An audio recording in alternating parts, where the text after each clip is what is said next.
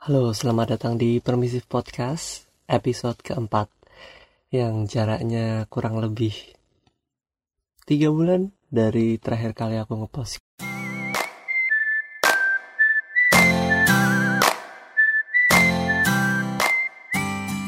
Karena terakhir aku ngepost kemarin Maret akhir dengan topik resensi buku dan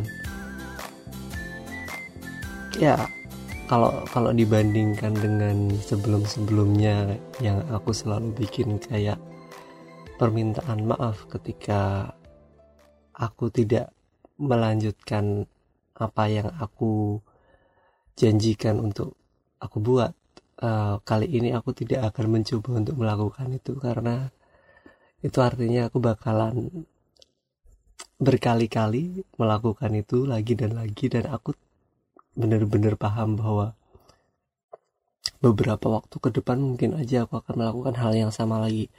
Jadi kayaknya apology bukan sesuatu hal yang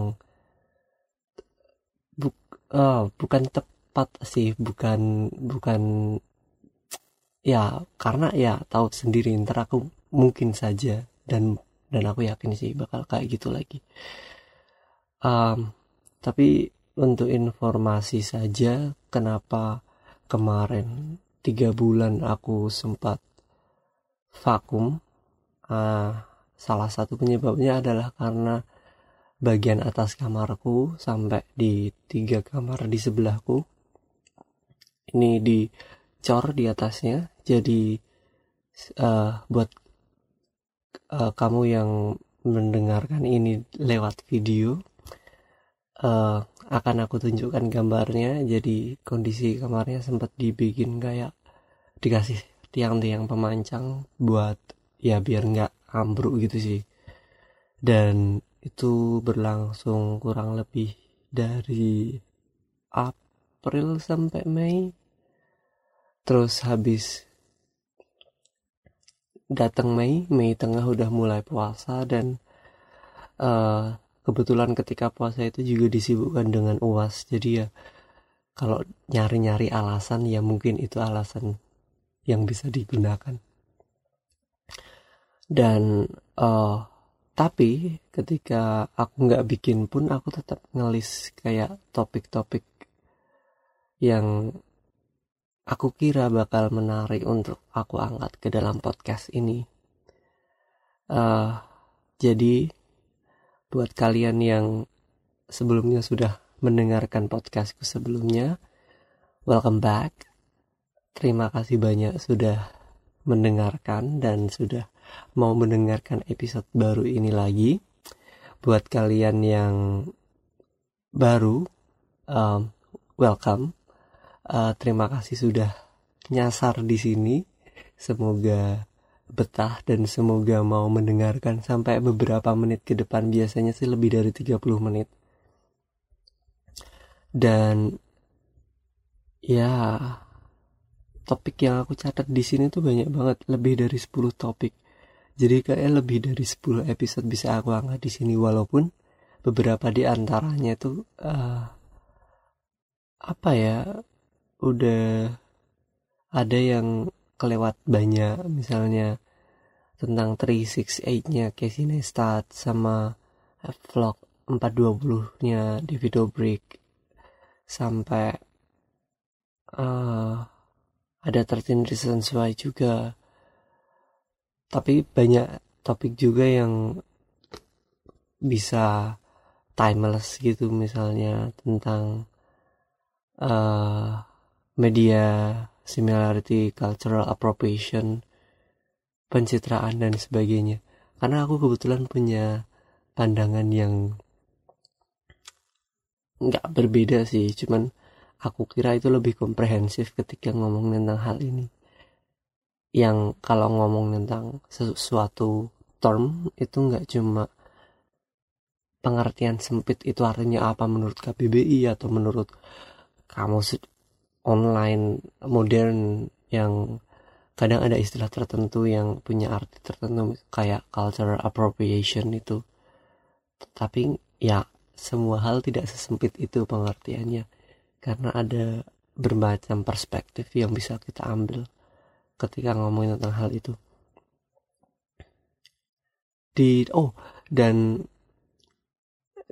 di rentang tiga bulan itu uh, ada banyak hal yang podcast ini lakukan nggak banyak sih cuma satu. Uh, podcast ini sudah tersedia di iTunes bagi kalian yang punya Apple device uh, iPhone, iPad terutama uh, atau ya terserah MacBook kalian dengarnya lewat mana kalian bisa mendengarkan podcast ini di iTunes. Uh, cari aja permisif podcast nanti akan tertampil di situ um, buat kalian yang mendengarkan lewat device lain saat ini tersedia di SoundCloud sama YouTube. Um, aku berencana untuk ya ntar ntar aku cari cara buat ekspansi ke platform lain Spotify misalnya atau um, anchor yang dipakai sama Casey dan Candice di podcast couples therapy mereka. Dan aku kira itu platform yang menarik karena dengan berbagai macam fitur premiumnya uh, Anchor menyediakan jasa itu secara cuma-cuma. Jadi too good to be true but it's true. Jadi buat kalian yang berencana bikin podcast juga silahkan mencoba menggunakan Anchor sebagai platform buat sharing podcast yang dibikin oke okay. um, topik kali ini Oh, sebelum masuk ke topik hari ini mungkin aku juga mau bilang selamat lebaran, selamat liburan buat kalian yang liburan. Uh, ini adalah aku ngerekam ini di lebaran hari ketiga. Jadi dua hari kemarin aku bener-bener lumayan capek karena kebetulan uh, simbahku yang dari Gunung Kidul sekarang udah empat tahun ini tinggalnya bareng aku. Jadi saudara-saudara yang dari kota Jogja dari daerah bukan daerah orang keluar keluarga aku dari Jogja semua dari kota Jogja dan aku tinggal di Sleman dan dari keluarga yang lain mereka datang ke sini buat silaturahim ke simbahku. Jadi ya sebagai keluarga yang menjadi host eh, katakanlah uh, harus menyediakan ini itu dan harus menyambut ini itu. Itu hari pertama. Hari kedua aku bersama keluarga inti uh, kayak istilahnya ujung ke rumah simbah dan simbah buyut dari ibuku. Karena yang, yang tadi itu simbah dari eh, orang tua dari bapakku. Terus yang hari kedua adalah kunjung berkunjung ke simbah buyut dari ibuku. Dan ya dua hari bener-bener kayak keliling-keliling uh, dari satu tempat ke tempat lainnya. Mungkin daerah lain berbeda culture-nya ada yang habis lebaran itu ujung dari atau silaturahim dari satu rumah ke rumah lainnya kalau di desaku di dusunku. Itu hari pertama habis sholat itu langsung dikumpulkan di masjid jadi satu dusun itu.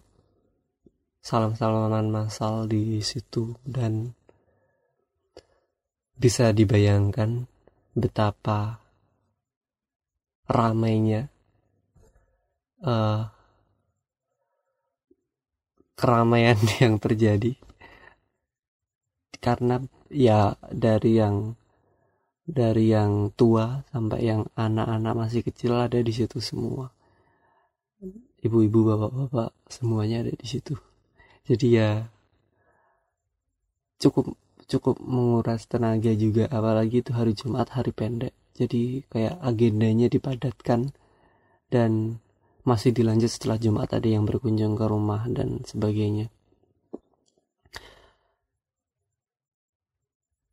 Tiring but it's fun karena uh, dengan umurku yang sudah 20 plus aku masih dapat um, THR jadi ya wow. Ya yeah, uh, uh, jadi hari-hari yang lumayan produktif. Um, dengan oh dan by the way dengan sistem yang kayak tadi dikumpulkan dalam satu tempat dan semua bersalaman bersama ada positif negatifnya sih. Kayak positifnya tuh semua bisa langsung ketemu tanpa harus uh, pindah-pindah dari satu tempat ke tempat lain. Pertama itu bakalan mengurangi uh, kesibukan orang-orang yang memiliki rumah kalau kita berkunjung langsung. Uh, negatifnya adalah ya karena sudah berkumpul di situ jadi yang ada di rumah jadi berkurang tamunya mungkin. Uh, jadi makanan yang harusnya disediakan buat tamu harus dihabiskan sendiri. Dan ya nggak sebanyak ketika kita harus berkunjung langsung ke tempatnya gitu sih. Dan ya itu.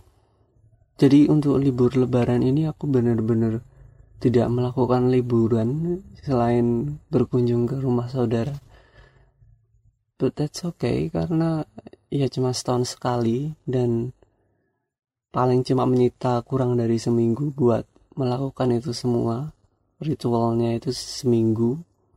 Dari pra main event sampai post eventnya itu paling seminggu. Rentangnya besok dipuncaki sama ada kayak terah keluarga besar dari keluarganya bapakku gitu.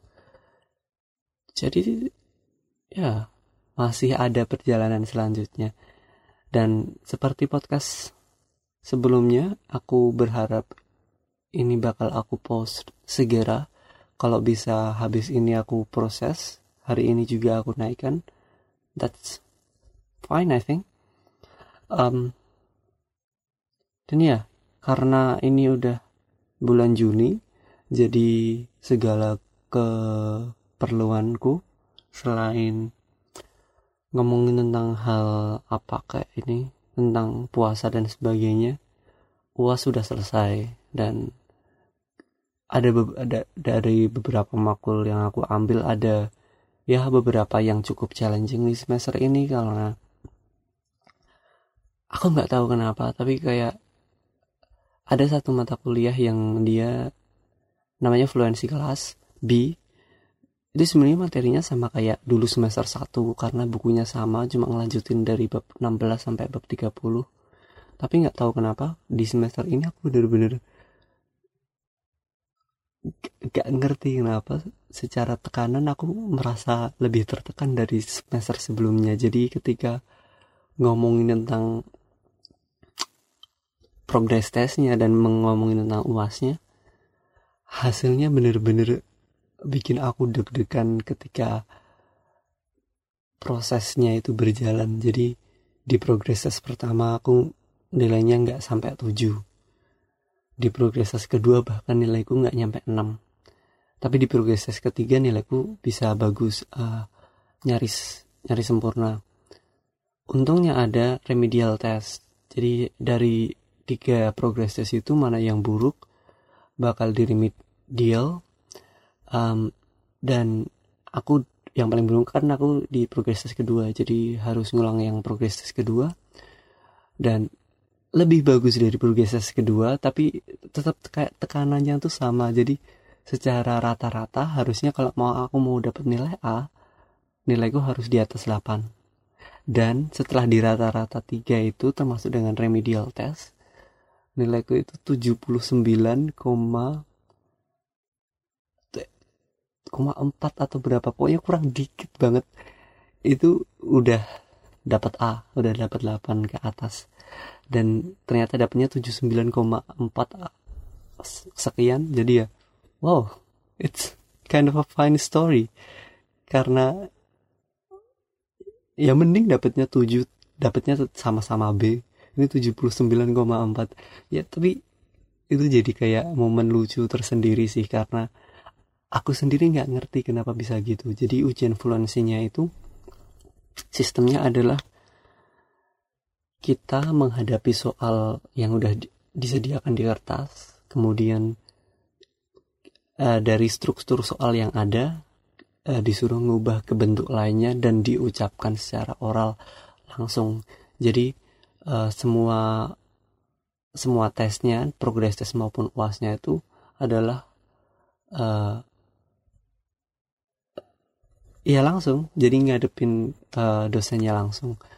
Dan itu cukup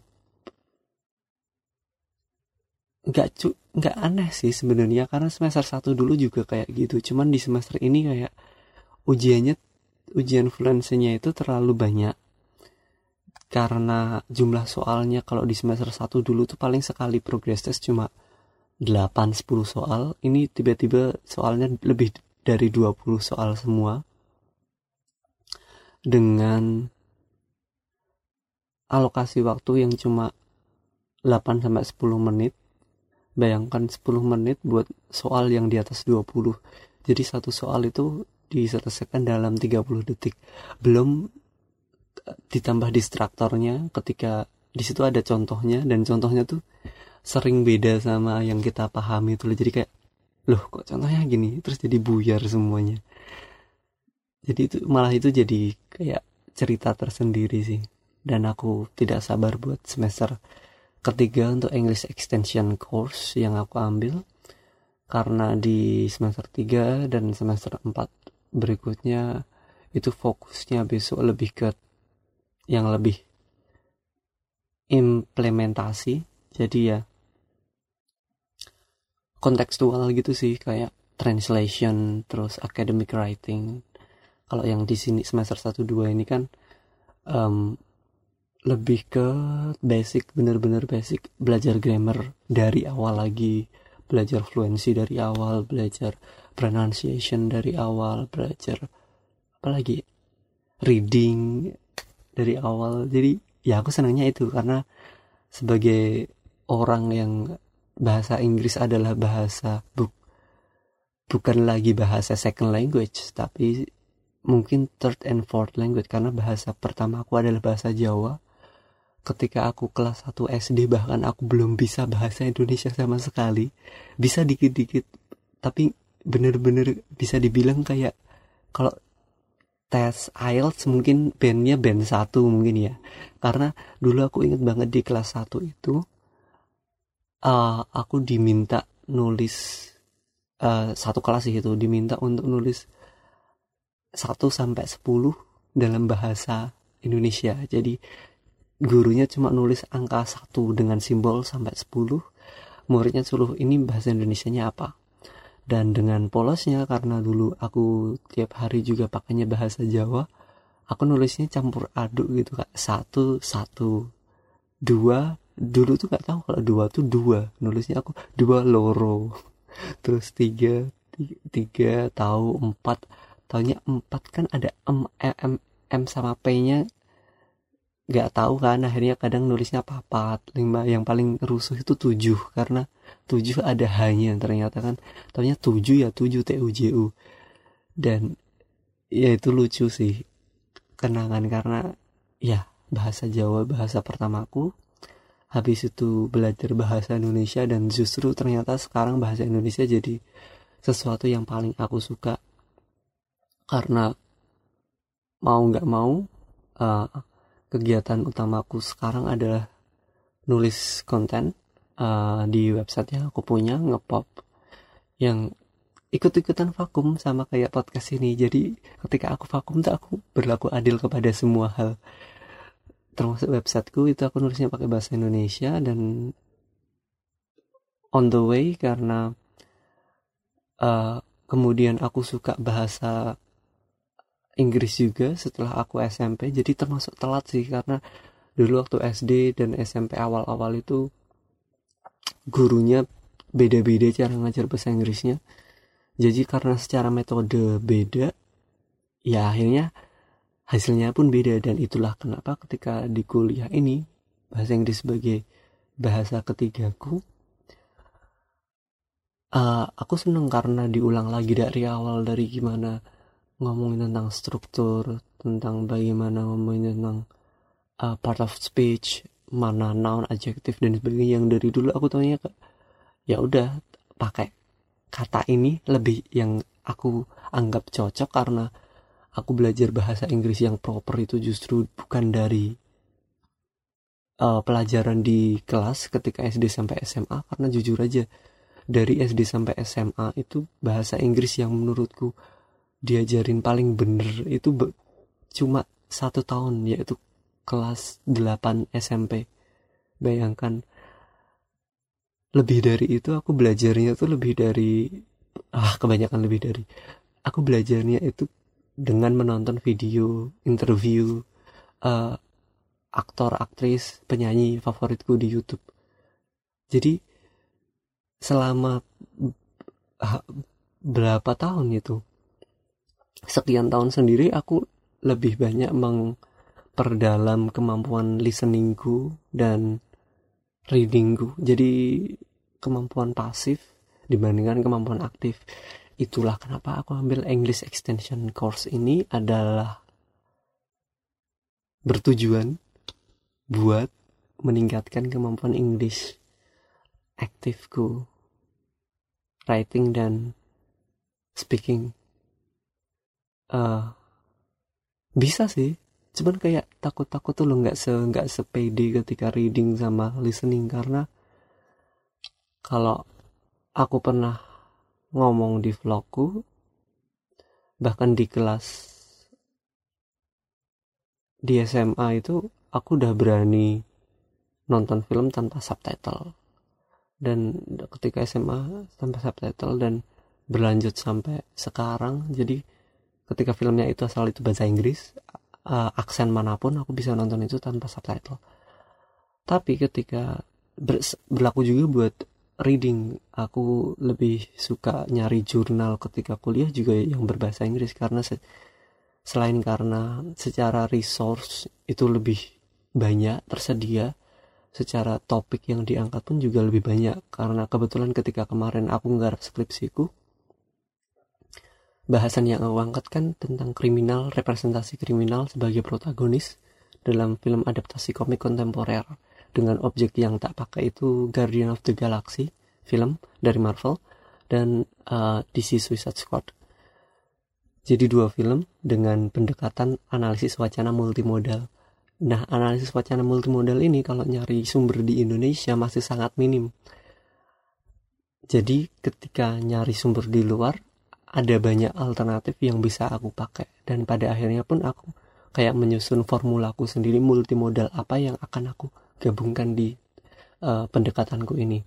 Jadi skripsiku itu menggabungkan tiga pendekatan sekaligus karena membahas film. Jadi aku sok ngide menggabungkan audio visual sama gam audio visual sama teks biar pendekatan wacananya tetap ada kan. Jadi teks pertama terus visual sama audio. Lebih deket ke semiotik sih dan linguistik daripada ke wacana. Tapi itu akhirnya karena karena ya belajar bener-bener dari awal dari yang awalnya gak ngerti multimodal itu apa sampai akhirnya itu kelar dan aku bisa kayak melabeli diri sendiri. Oh aku bisa ketika suatu saat harus menganalisis dengan metode yang sama multimodal paling nggak aku ya bukan paling nggak aku bisa melakukan itu.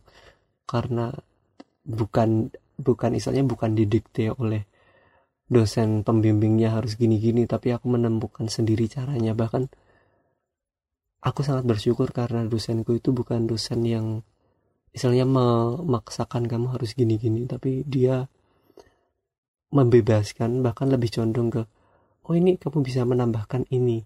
Mungkin kamu bisa baca, baca ini. Menambahkan itu tapi tidak tidak paksaan. Jadi lebih ke kamu coba baca ini. Ketika baca itu akhirnya kita tahu oh harus kita tambahkan ini.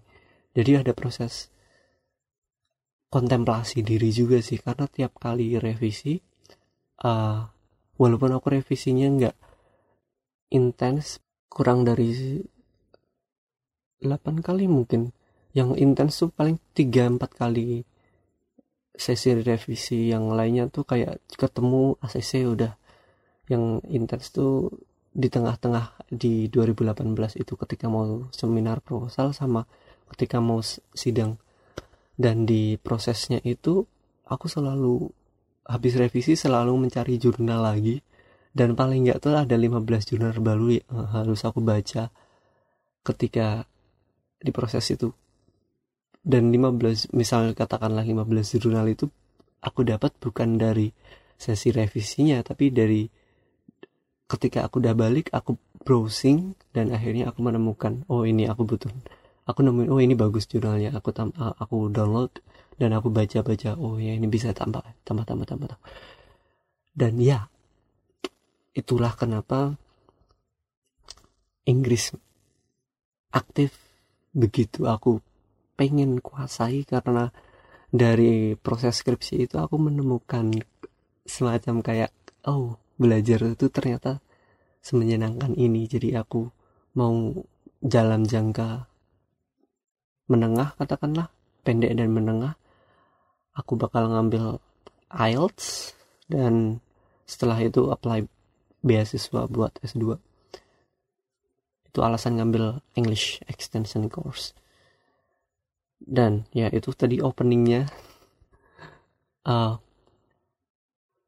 tapi kayaknya nggak usah opening deh ini udah 20 men 26 menit. Jadi uh, ini jadi kayak momen buat kayak recall aja kemarin sudah ngapain dan alasan dibalik keputusanku mengambil banyak hal di umurku yang berapa ini? Tahun ini 24 tapi aku belum 24 kok masih besok September jadi karena aku memilih untuk ya sengaja aku nggak mau kerja dulu aku memilih ya kerja dengan caraku sendiri. Misalnya aku jadi fellowship content writer di Gama Tekno sejak 2015 sampai sekarang kan udah 2018 udah tiga tahun.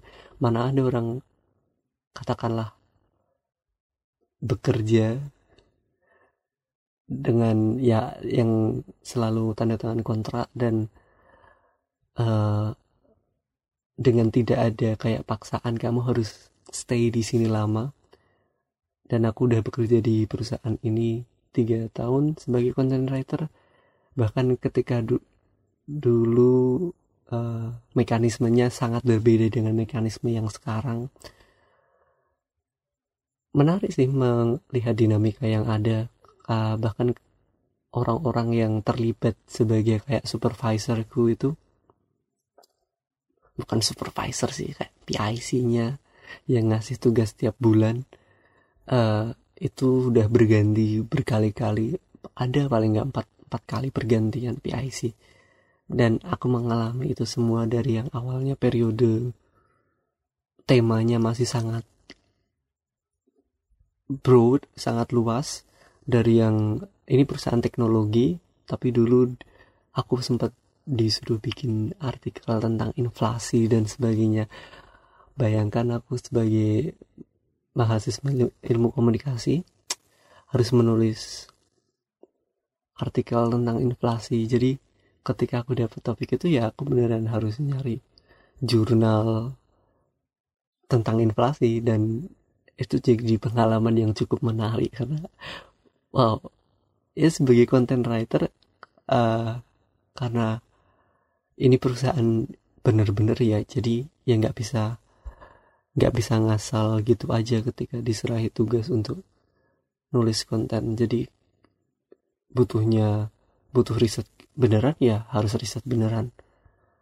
Dan etos kerja kayak gitu yang aku bawa sampai sekarang ketika aku ngurusin tentang websiteku pun aku tidak akan melihat itu sebagai sebuah formalitas belaka gitu loh kayak kalau cuma ngomong tentang hal remeh-temeh news misalnya kamu bisa dapat news cuma dari Twitter atau cuma dari medsos lain cuma dari satu sumber ya itu website lain juga bisa kayak gitu. Tapi ketika bikin konten yang itu butuh riset mendalam dan itu bukan proses yang sebentar butuh baca jurnal dan sebagainya itu nggak semua orang bisa melakukan itu.